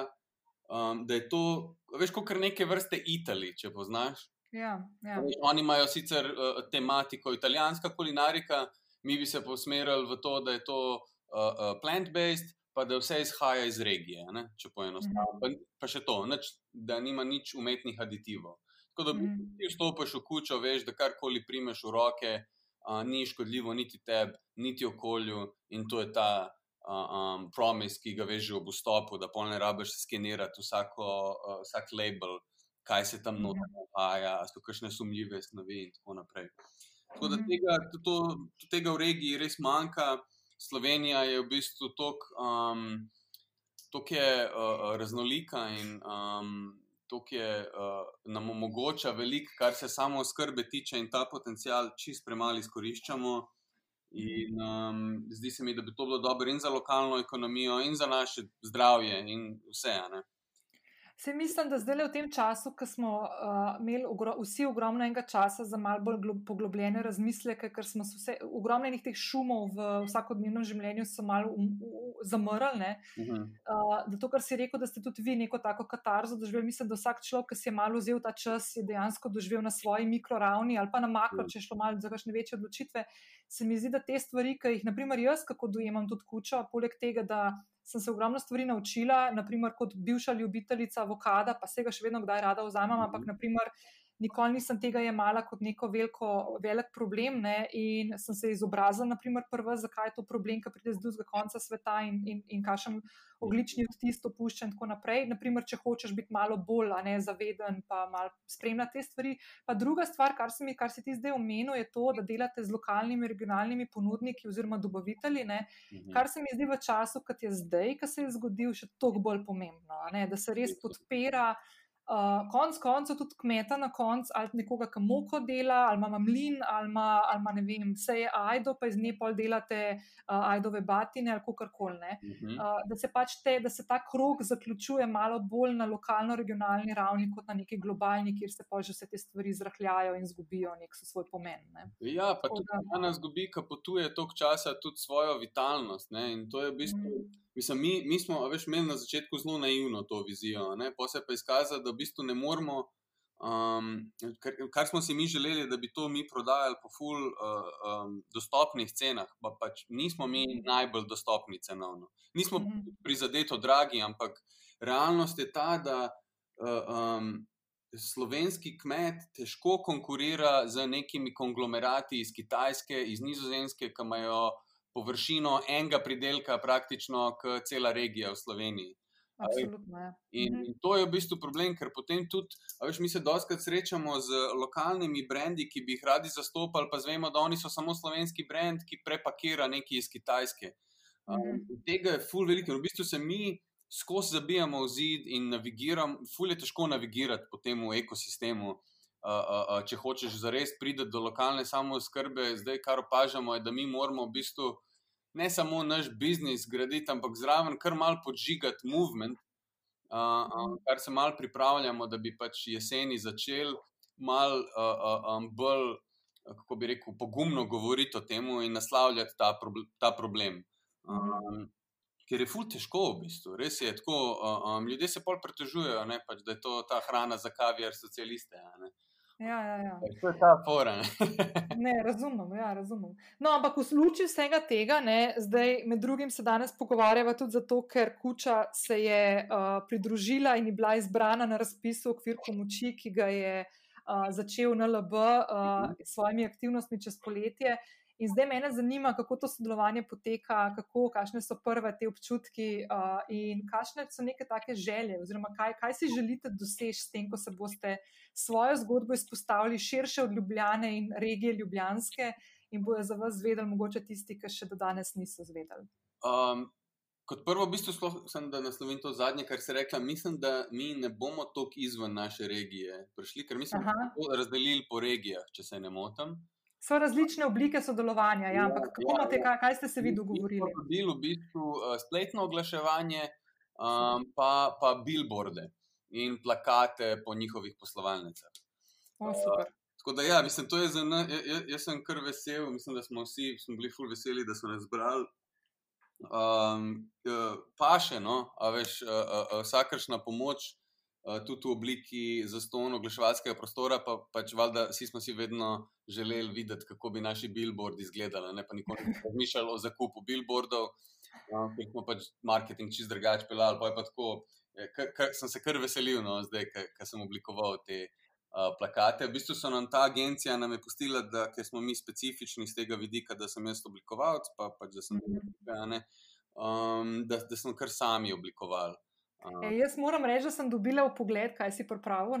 In, ja, in mi je bilo ful všeč, zato ker je tako ta vaš uh, kuč in DNK uh, pride tako ful do izraza, potem, kar ste. Ker ste že poznani potem. No? In se mi zdi to ful the best, in ful se mi zdi fino, da, imate, da imate tudi v bistvu na spletu, ker vaša ciljna publika verjetno se tam največ časa tudi konc koncev zadržuje in bo to ful fajn, da se tam tudi pojavljate čim več in da polovite pozornost uh, čim večjih novih ali pa obstoječih obiskovalcev, da pride bolj pogosto. Ja, hopso, mislim, tako tudi, uh, malo mal smo šli tudi v smer eksperimenta. Um, pač, kot se vidi, smo dali naše najslabše negativne revije za headline, ne? to, kar smo v TripAdvisorju pisali. Um, in so različni. Uh, na različnih posterjih je različni. Ja, tako od takih, ki res rečejo, najbolj me v bistvu motila sama hrana. Meni to ful, ful mi je všeč, pa mislim iskreno, uletel nam je v takem času gužve, da na koncu uh, um, se za ta copywriting, kreativni del, uh, um, smo se kar obrnili tam, kjer smo ga vedno dobili in to je pač pri publiki, sem da smo v bistvu šli v čisto nasprotno smer. Pa končno, veš, ker. Um, prej jaz pač tudi izhajam iz agencije in to za take stvari, da sam sebe malo v bistvu uh, um, požališ, če lahko tako rečem. Uh, um, ni veliko uh, posluha, klej pa pač ni nobenega zdaj nad nami, ne, ki bi pač rekel stop. Ne. Zdaj ne vem, kakšen efekt bo to imel. Sam, meni je kar, kar zabavno. No. Ne, super je, to je ful dobro. Ej, se bo pogovarjala, kako konc tega boš malo več povedal, kakšen je, kakšen je ja, bil feedback. Pa, pa tako. tako da, v glavnem, zdaj, če še kdo od poslušalk uh, in poslušalcev ni bil v kuči uh, in to namerava narediti, uh, jaz uh, absolutno svetujem, da to naredi čim prej, zato ker poletje je dolgo, terasa je fajn. Uh, sonce bo tudi, uh, hodogi so in en kupenih drugih stvari, kakšno kombučo si naročite, džin kombučo, kar koli tazga. Tako da, uh, Vladimir, jaz se ti ful zahvaljujem, se vidiva kmalo spet na kakšnem hodogu no, in poklepetava naprej. Yes. Ej, lepo bodi, hvala Nina. Enako. Čau, Vladimir. Čau. Pravna pisarna Lemur Legal je specializirana za start-upe, spletne trgovine, ponudnike športnih vadb prek spleta in hitro raztoče ponudnike, ki v svoje izdelke upletajo kanabis. In glede na to, da sem jaz svojo spletno trgovino objavila pred dobrim tednom, bom gotovo malo jih pocukala za rokav, da preverimo, če je z njo vse v redu. Lemur Legal je primer podjetniške zgodbe, ki je izbral tržno nišo, ki je dovolj specifična za ciljano pripravo storitev in dovolj široka, da si pri tem lahko privoščijo še malo duhovitosti. To boš opazila, ko boš stopila na njihovo spletno stran. In ko rečem, da je pravna pisarna Lemur Legal duhovita, je to res kompliment. Z ustanoviteljem Petrom sva se pogovarjala o izzivih, rasti spletnih ponudnikov in tem, kako je s sodelovanjem v NLB projektu Okvir pomoči sklenil lep življenjski krok. Petr, živijo. Živijo.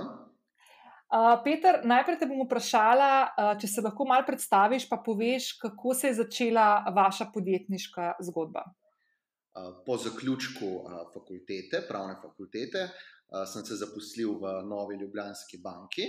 Uh, bil sem zaposlen tam sedem let, potem sem bil zaposlen še v, v eni drugi banki, potem sem prišel do uh, v življenju, je bilo potreba sprejeti eno odločitev, tako dolgoročno, a si želim biti uh, vedno zaposlen v neki taki instituciji, torej delati za nekoga ali pa iti uh, svojo poslovno pot. In takrat sva skupaj s prijateljico Nino, ki je pa delala za podjetje Outfit 7, razmišljala o tem, da uh, slovenski startup ekosistem, ki se je takrat še le dobro začel razvijati, uh, je bil pa ta razvoj potem zelo hiter. Uh, nima neke pravne pisarne, nekih, nekih pravnikov, specializiranih za, za startupe, uh, ker praktično vse te odvetniške pisarne, pa pravne pisarne, so imele čisto neko drugo agento, predvsem delati za, za, za večja podjetja. Mi smo pa v tem videli neko tako tržno nišo, nek tak potencial, želeli smo si biti inovativni, želeli smo delati tudi s takimi podjetji, in tako se je potem rodil počasi Le Mordigal. Super. In če sem jaz, ki sem obiskala vašo spletno stran, so mi v oči skočile ene take storitve, ki jih vi dajete, ki so tudi meni blazno zanimive, ker sem ravno pred slabim tednom uh, postavila spletno trgovino. Naprimer, svetujete tudi pri tem, kako se postavi spletno trgovino z vsemi stvarmi, ki jih človek, ki se odloči za ta korak, mora uh, vključiti, pa kanabisa, ne tudi. Ja, zdaj tako. Naša filozofija, filozofija naše pisarne je ta, da vedno razmišljamo za leto, dve vnaprej, kaj, kaj bo aktualno na trgu. To, ker če bi živeli v, v starih časih, potem bi še vedno delali neke take družbene pogodbe ali pa neke pogodbe, ki so že 30-40 let uh, enake.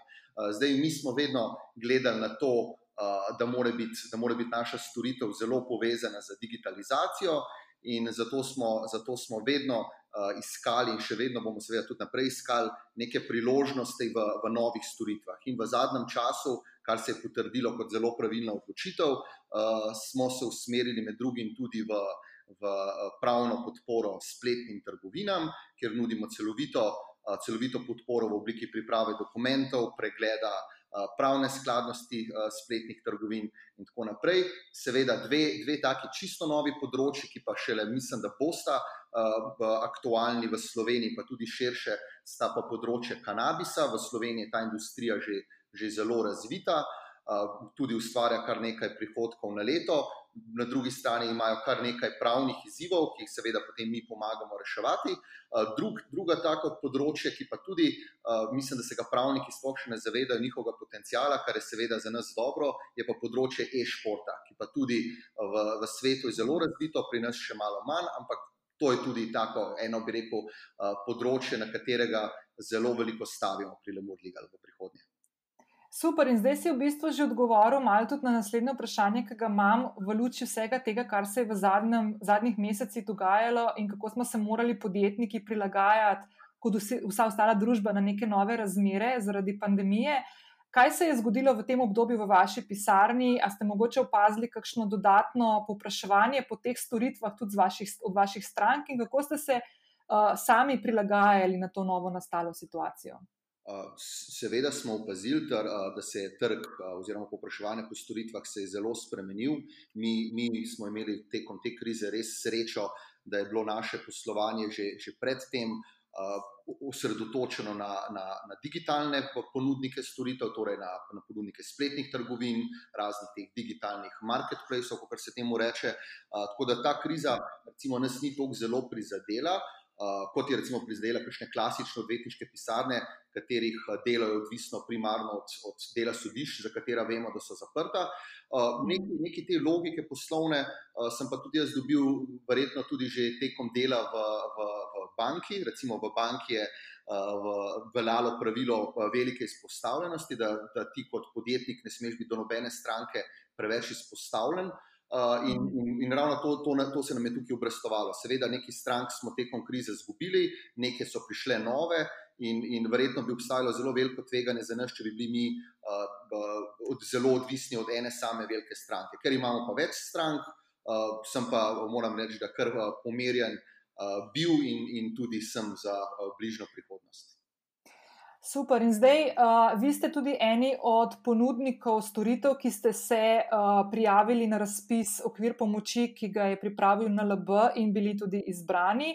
Zdaj, mene zanima, zakaj ste se odločili za to uh, sodelovanje in zakaj ste se pri, uh, odločili za prijavo in kaj to za uh, podjetje uh, Lemur Legal pomeni. Ja, seveda, zdaj tle je čisto uh, poslovni, pa seveda tudi osebni vidik. Poslovni, uh, mi, se, mi se zelo veliko trudimo da, da gradimo, da, da, da sistematično gradimo znamko uh, Lemurja. Uh, to delamo na različne načine, z raznimi podcasti, za, za uh, objavljanje vsebin preko socialnih omrežij. In tukaj se nam je zdela zelo uh, lepa priložnost, da, da, da naredimo v bistvu še en tak korak naprej pri prepoznavnosti Lemur Legal kot, kot neke uh, znamke, ki jo, ki jo slovenski start-upi, slovenske spletne trgovine uh, povezujejo z pravno podporo. Seveda, osebna, osebna, osebna zgodba tukaj je pa moja, uh, bom rekel, čustvena povezanost s samim NLB. NLB je bil moj, moj prvi delodajalec, uh, na NLB imam zelo lepe spomine. Uh, tudi vse poslovne račune, Lumur, ali tudi preostalih dveh svojih firm uh, imam na, na, na NLB, tako da bi rekel, da, da v bistvu v, v, ta, v tem samem programu, kjer pomoči, uh, sem videl en tak lep, uh, lep paket, ki, ki, ki me usrečuje tako poslovno, kot, kot tudi osebno. A ste mogoče za ta projekt, oziroma za sodelovanje v projektu Okvir pomoči, uh, uh, kakšno komunikacijo izpeljali? Stvar, kako ste se predstavili, na kakšen način se predstavljate? Ste kakšno aktivnost dodatno izpeljali, pa kakšno komunikacijo? Uh, Uh, imamo, imamo v podjetju uh, zaposleno uh, Vanjo, ki je uh, moja punca, hkrati pa tudi uh, zadolžena za marketing.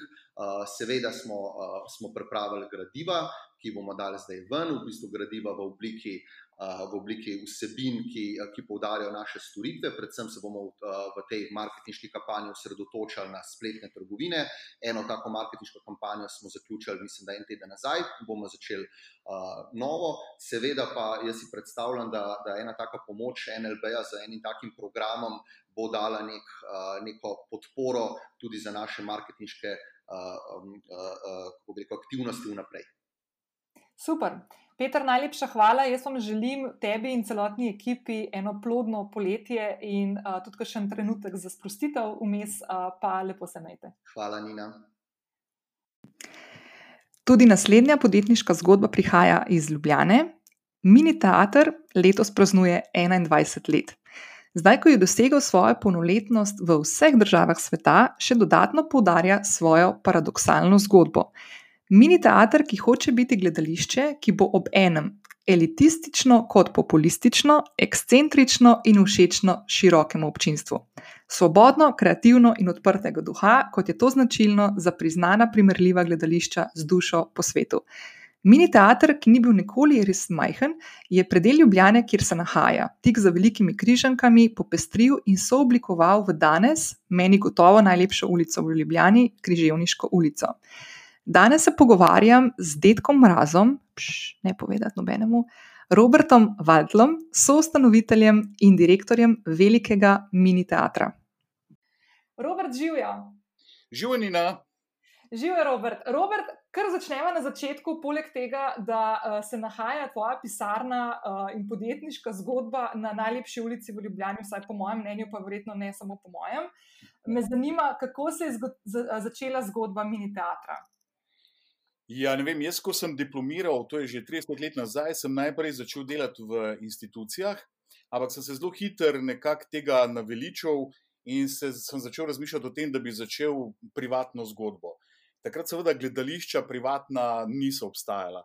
Tako da leta 1998 sem jaz zapustil institucijo in sem začel najprej na Ljubljanskem gradu, zgodba mini teatra je prerasla, pravzaprav kasneje, eh, mene samega in tudi samo ime, velika danes, ki rečemo eh, mini teatra. Ne, ljudje najprej pomislijo, da je to nekaj majhnega, to je nekaj za otroke. Pa pa v bistvu, ki vidijo malo več, pa vidijo, da nismo niti majhni, da dela pri nas več kot 150 eh, različnih ustvarjalcev. In da imamo na leto vem, več kot 450 različnih kulturnih dogodkov, da imamo več kot 50 tisoč gledalcev, no potem se to spremeni v en tak, že bomo rekel, kar bolj maxi zgodbo. Tako da ja, 20 let oziroma 21 let je že zdaj, odkar uh, smo nekako začeli s tem privatnim, uh, zasebnim gledališčem v Ljubljani, v Sloveniji in to na mogoče še lepši lokaciji. Uh, takrat je bil to Ljubljanski grad, zdaj pa seveda to Križevniška ulica, definitivno. Zdaj ste polnoletni že v praktično res vseh državah sveta, ne? Uh, ja. ne zdaj 21, ne? Ja, točno to. Uh, 21 let, uh, lansko leto smo celo leto praznovali, ker se nam je zdelo priti do 20 let, v, posebej bom rekel, v taki panogi, kot je umetnost, kot je kultura, mislim, da je kar velik dosežek.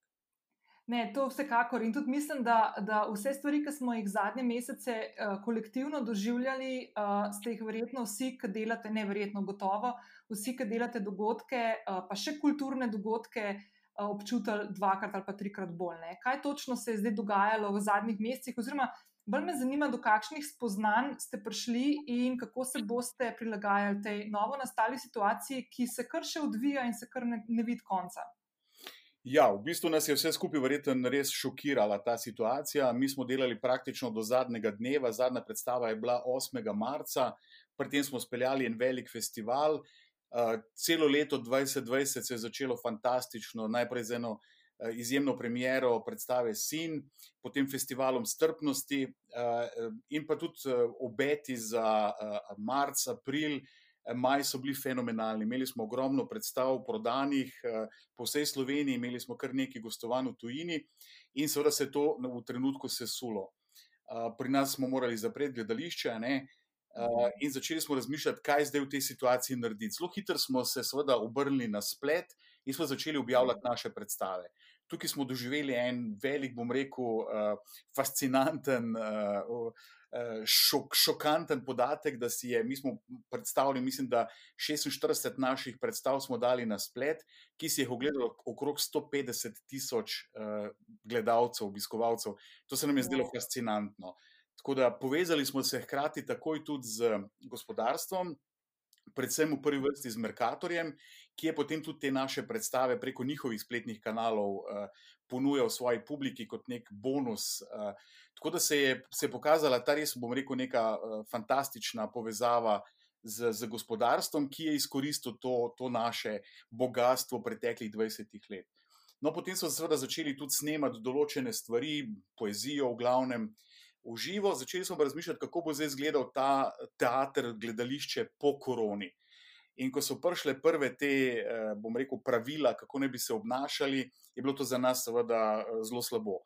Eh, če bi upoštevali vse ta pravila, teh razdalje med gledalci, bi v našo dvorano, ki je že tako mala, dvorana ima 81 sedežev, lahko približno tam 25 ljudi sprejeli. In to je bilo seveda za nas pravzaprav nemogoče, ker s 25 prodanimi kartami seveda ti ne moš plačati niti elektrike, kaj šele igralce, vse, ki sodelujejo pri predstavi. In zelo hitro smo se povezali s festivalom Ljubljana, namreč direktor nam je ponudil v brezplačen najem predverje Križank. Tako da smo se odločili, da bomo in zaradi tega, da bomo lahko igrali predstave za več ljudi, in pa tudi, da bodo bolj varni ti gledalci, najeli predverje Križank In smo imeli zdaj v juniju 12 predstav v predverju Križank, nekaj smo jih potem tudi speljali v uh, mini teatru. Uh, obisk mogoče ni bil tak, kot smo ga pričakovali. Zdelo se nam je, da ljudje zelo nestrpno pričakujejo gledališče, kdaj se bo odprlo. Tako da tukaj nismo bili zdaj tako uh, veseli glede samega obiska, mogoče smo res pričakovali več, več gledalcev. Je pa seveda bil tudi tu faktor, ne poletje, Eh, poleti nekako smo navajeni, da se gledališča zaprejo, letos so se pa prav, praktično takrat še odprla. Tako da tukaj smo bili malo manj zadovoljni, ampak smo pa res zelo hitro se začeli povezovati z gospodarstvom, predvsem v smislu, kako gospodarstveniki lahko pomagajo kulturi. Ne samo s tem, da nam dajo nekaj donacije, sponzorstva, ampak predvsem nam je bila ideja, kako bi gospodarstveniki svoje sodelavce v teh različnih uh, uh, delovnih okoljih pripeljali v gledališče. Tako da se je kar nekaj potem eh, teh uh, gospodarskih družb odločilo in je zakuplo večje število vstopnic za naše predstave, kar se nam je zdelo super. Ej, to je ful, noro. Ful mi je všeč to uh, medsosedsko uh, sodelovanje, ki si ga omenil s križankami. Ful mi je lepo, kako se je gospodarstvo odzvalo, pa konc koncev tukaj tudi mal. Svoje delavce uh, nagradilo, oziroma mm. jih, jih spodbudilo, tako da res, res, full fine. Uh, Robert, drugače pa ste se z mini teatrom odločili, da se prijavite tudi na razpis okvir pomoči, ki so ga v NLB-ju pripravili. Pa me zanima, zakaj ste se za to odločili, pa kaj to pomeni za vas, kaj, kaj, kaj si želite od tega, od tega sodelovanja. Iskreno, ko smo videli ta, to akcijo, se nam je zdelo nemogoče, da bi mi sploh lahko prišli v nek ožji izbor. In se na začetku, nekako smo rekli, manj. In smo se šele zadnji dan odločili, da je vse en prijaviti ker se nam je zdelo, da stvari, ki jih ponujamo, ponujamo v mini teatru. Mislim, pri nas ne gre samo za predstave, koncerte, filmske projekcije, ampak pri nas organiziramo različne tečaje, predavanja. Uh, torej, poskušamo iskati res tudi neke tržne, tržne niše, ki jih z našimi igravci, z, z vsemi, ki v gledališču delajo, lahko ponudimo, ne tudi na trgu. In uh, uh, zdelo se nam je pa, da nekako nikoli s temi našimi kvalitetnimi produkti ne moremo uh, prodreti v širšo javnost. In ta oglas, ki je pa omogočal, uh, ta, ta akcija, ki je omogočala oglaševanje v resnično televizijskih terminih, v, na panojih, se nam je zdela pa ravno to. Da to, kar mi res mislim, da odlično delamo, da nekako predstavimo širši javnosti. Uh, Tako da smo bili v bistvu res uh, zelo, zelo veseli, da nam je uspelo priti v to družbo uh, teh, ki, ki, ki so dobili zdaj to pomoč. In se zelo veselimo, predvsem se pravi, da ljudje spoznajo to, kar delajo, pridejo k nam in potem seveda sami ocenijo, ali je to res tako v redu ali ni v redu. Ampak uh, zdi se mi pomembno, da ljudje k nam pridejo. Eh, sploh se pravi, ker zaradi samega imena mogoče res mislijo, da smo nekaj majhnega, da delamo samo za otroke, ampak ne, pri nas delamo v bistvu res zelo, zelo široke stvari in tudi dejansko uh, se moramo zelo bom rekel, gospodarno, gospodarsko angažirati. Namreč skoraj 60% letnega budžeta si moramo zaslužiti sami na trgu in to je, si lahko predstavljate, v kulturi kako težko. Robert, ful dobro, kaj se načrtuje v sklopu poletja, kaj boste kaj pripravljali? Mi smo ravno kar zdaj končali s tem igranjem v predverju Križank. V soboto je bila zadnja predstava Macbeth, naša velika uspešnica, in takoj v ponedeljek smo začeli pa že z vajami za našo veliko koprodukcijo. Gre za predstavo Vsi ptice, ki jo pripravljamo v koprodukciji z festivalom Ljubljana in mestnim gledališčem iz Ptuja. V predstavi je kar devet igralcev, skratka, gre za res spektakel, ki ga ne bi mogli realizirati v naši dvorani ampak ga bomo realizirali v Križankah.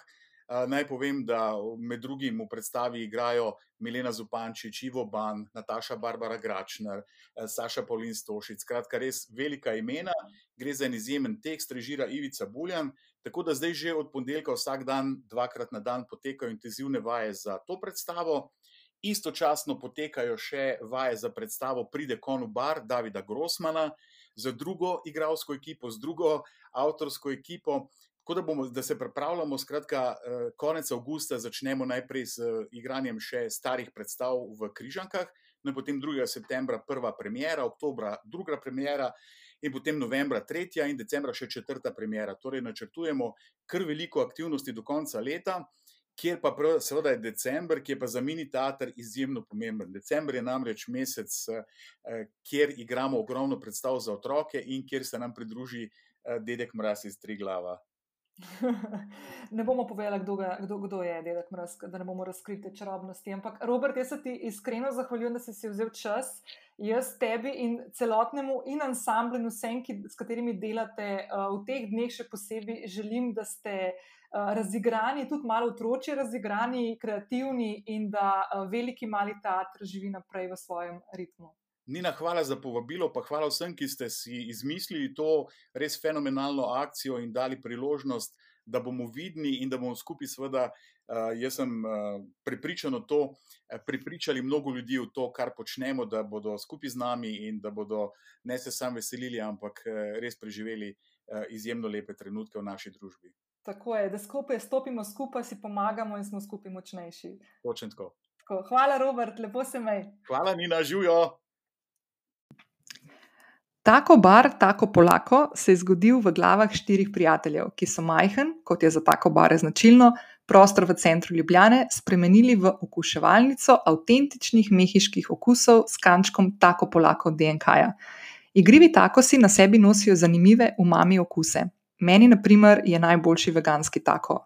So pa tudi ostali z zanimivimi imeni, tako zvani zajebani, vivala nive, to je veganski pa lušten pujsek, pa filfalaful, skratka, igrivi, zabavni in noro dobri. Dalibor je sem ujela in ga v pogovoru vprašala, kako je prišlo do te zgodbe, kako so se fanti spopadli z izzivom uh, korona časov. Mimo grede, tudi sama sem jih naročila na dom v času samoizolacije, tako da pripravi se za en tak polako pogovor. Dali bo živijo tako polako zgodba v Ljubljani, jaz jo poznam, uh, uh, lušna restauracija, mehiška uh, v centru uh, prestolnice. Kako se je začela vaša podjetniška zgodba, kako je do tega prišlo, koliko časa traja in kako se odvija? Živijo, Nina, najprej hvala za, za vse te lepe besede. Uh, in sem vesel, da ti, je, da ti je všeč, da si že probala. Ja, itak, in ti lahko tudi povem, sorry, ker te kar takoj povem, da sem bila prvič prvas 30.12. ob sedmih zvečer lansko leto, fulje bila prazna Ljubljana in mi je moja dobra prijateljica Gruša rekla, da moram te tako se probati. In takrat sem bila še na rastlinski prehrani in sem se najbolj veselila veganskega, pa sem probala še piščančjega, pa mislim, da z pult porkom. In Aha. moram reči, da mi je bil veganski ful najboljši. Tako da, no, nisem bil da best, ampak veganski mi je bil pa amazing. No, tako. tako da, sorry, da smo kar vrnili nazaj na vprašanje, da ne bom jaz čisto vzela tukaj časa. Tako da, kar povej, kako ste začeli, pa okay. uh, kaj tako polako je. Tako polako je, je v bistvu, ful ne maram uporabljati besede projekt, ampak to je dejansko uh, neke vrste projekt. Uh, jaz, kot kuhar, imam drugače eno tako mehko prkolco, žmohce reče in kuham noter že dobre štiri leta. Uh, in moj zelo dober prijatelj, dolgoletni sodelavec, isto kuhar, sošolca, smo bili na gostinski, imel pa včasih Vog Fresh v BTC-ju in smo imeli v bistvu skupne goste. Uh, en, en, ena dva fanta, Jan in Miha, ona dva sta sicer pravnika, sta hodila zelo rada in k meni in k njemu. In, in sta skozi malo nekako metala ven to idejo, da ko bi bilo fajn, da pa mogoče se mi vsi skupaj združimo, pa neko zgodbo skupaj zafuramo. Ne? In, in sta bila, po mojem, tako ustrajna, da smo se dejansko en dan usedeli dol, ne, uh, uh, pokazali vsi interes in začeli brskati malo po internetu, iskati kakšen lokal, kakšen plc, kaj tasga. Ene par stvari smo že tako resno ogledovali, pa smo se pol premislili, ali so, se nam je zdelo mogoče, da je prevelik zalogaj za nas, investicijsko in tako naprej. Potem smo najdel pa v bistvu ta lokalni gospodsvetski, da se vdaja. Uh, ki se je vsakih šest mesecev do enega leta, se mi zdi, da, da se je najdel v glasu. Tako da se, nekaj, se mi zdi, noben ni not mogel najti, nam je pa ful pasal, ker je ravno prav velik, uh, tak domač. No, in, in tako smo začeli. Tako da smo partnerji v podjetju, uh, uh, jaz pa rok, sva, se pravi ta uh, gostinska stran, kreativna, najni so recepti, mi smo si zamislili zadevo.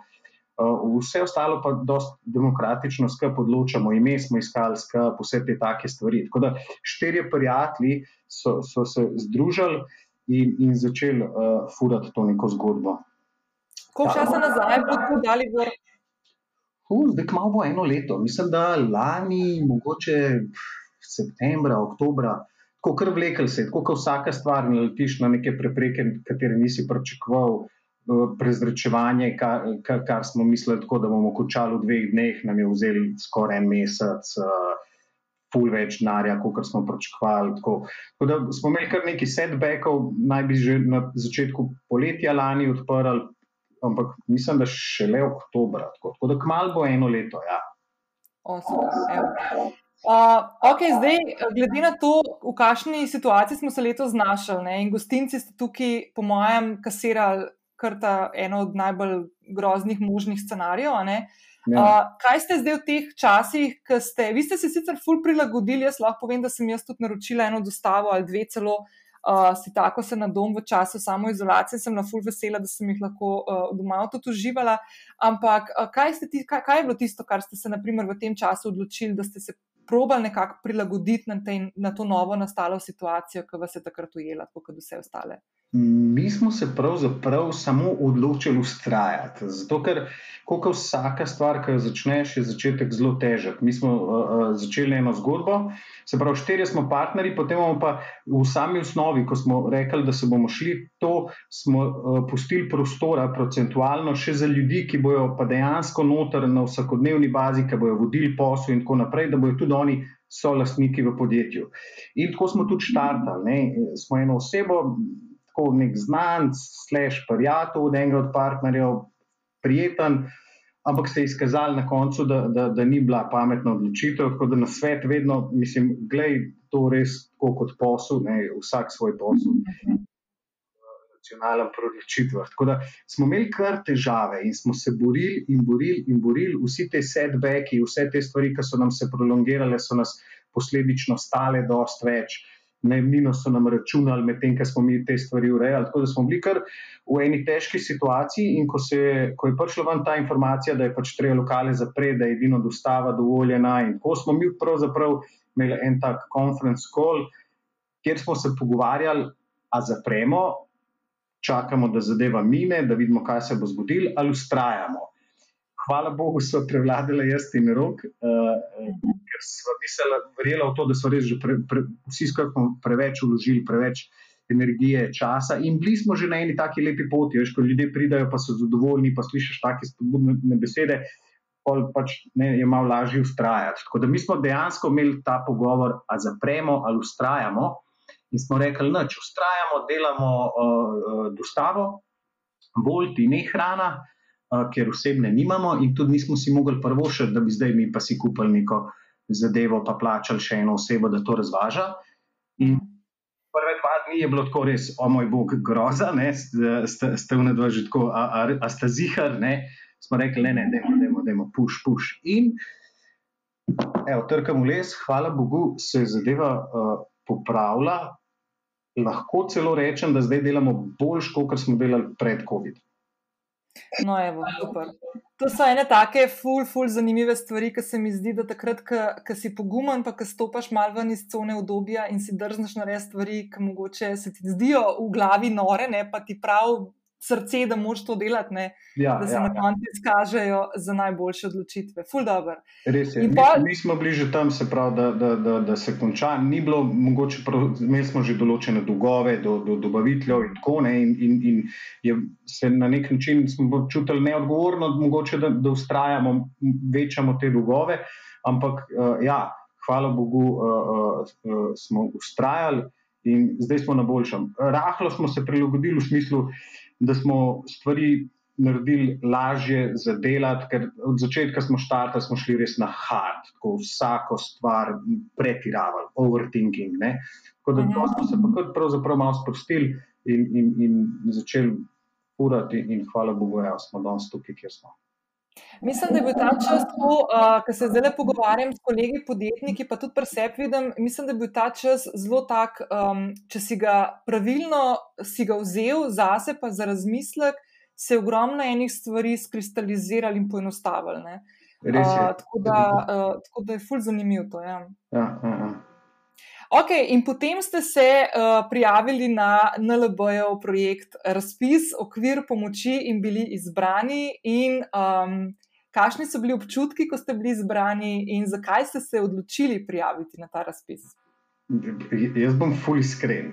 Jaz sem videl oglas na billboard tabli, okvir pomoči, NLB ne, in, in, in hčer moja, 12-letna, me je vprašala in rekla, tako, kaj pa je to? Malo je bilo nejasno, tako kot meni, ne, zdaj, kva, kva se boste oglaševali, NLB, ne, je rekla, kaj pa je to? Sem rekel, "Ma, zih je nek kredit, eh, da, da vzameš, da se boš lahko oglaševal. Ne.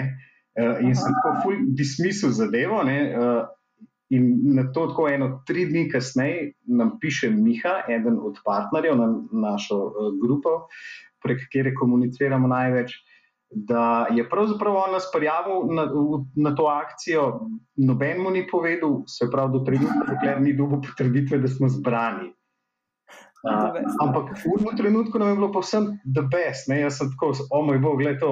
In pa sem šel še le malo pogledat, kaj pravzaprav je. Tako da ja, zdi se mi the best. Uh, uh, ful lepo strani LLB-ja, da, da so izkoristili ta trenutek in, in to naredili. Um, mislim, da, da so edini, ne, ki so z neko tako akcijo prišli ven. Pa, pa pomeni, sigurno pomeni, zdaj ne, pokazali se še lepo, ampak jaz verjamem, da promocijsko je vsaka taka stvar izjemna. Mi pa kot tako mehko podjetje, ki se je pravzaprav zdaj v COVID-u šele vračali nazaj na noge, postavljali, si nikakor ne bi mogli prvoščati uh, uh, take promocije, kot jo bomo deležni zdaj z pomočjo na LB-ja. Ja, zdaj v bistvu bo treba te. Uh, A se slišva? Ja, ja. Aha. Zdaj le bo treba v bistvu ti tako se začeti, po mojem, delati uh, še hitreje, uh, zato ker uh, po mojem bo tole se zdaj le kar fajn razpršil. Pa jaz vsem, ki ste v Ljubljani uh, ali doma ali pa pridete kaj na obisk, dajte se malo pozanimati, ker so res hudi takosi, če imate, če imate radi, če imate radi mehiško hrano, te takosi so res taki ful zanimivi in jaz takih pri nas še nisem jedla. Uh, tako da so res, res top. Tako da zelo, zelo priporočam. Pa absolutno tudi, če niste veganke, vegani, vzamete tega, ker je res ful, ful, ful dober. Tako da, evo. Dalibor, ful, hvala. Jaz te pozdravljam, uh, tebe in uh, želim tudi celi tvoji ekipi, vsem trem ostalim, da čim bolj uh, polako, ampak uh, z udarnim korakom korakate naprej proti prvi obletnici, pa pa še kakšni naprej tudi, sigurno. Best. Nina, hvala ti ful. Z veseljem. Čau, čau. Čau. Tako, prišli smo do konca. Uh, osem krasnih sogovornikov, osem krasnih podjetniških zgodb, ki premikajo meje, vsaka na svojem področju. Jaz verjamem, da si tudi ti uh, dobila mogoče kakšen.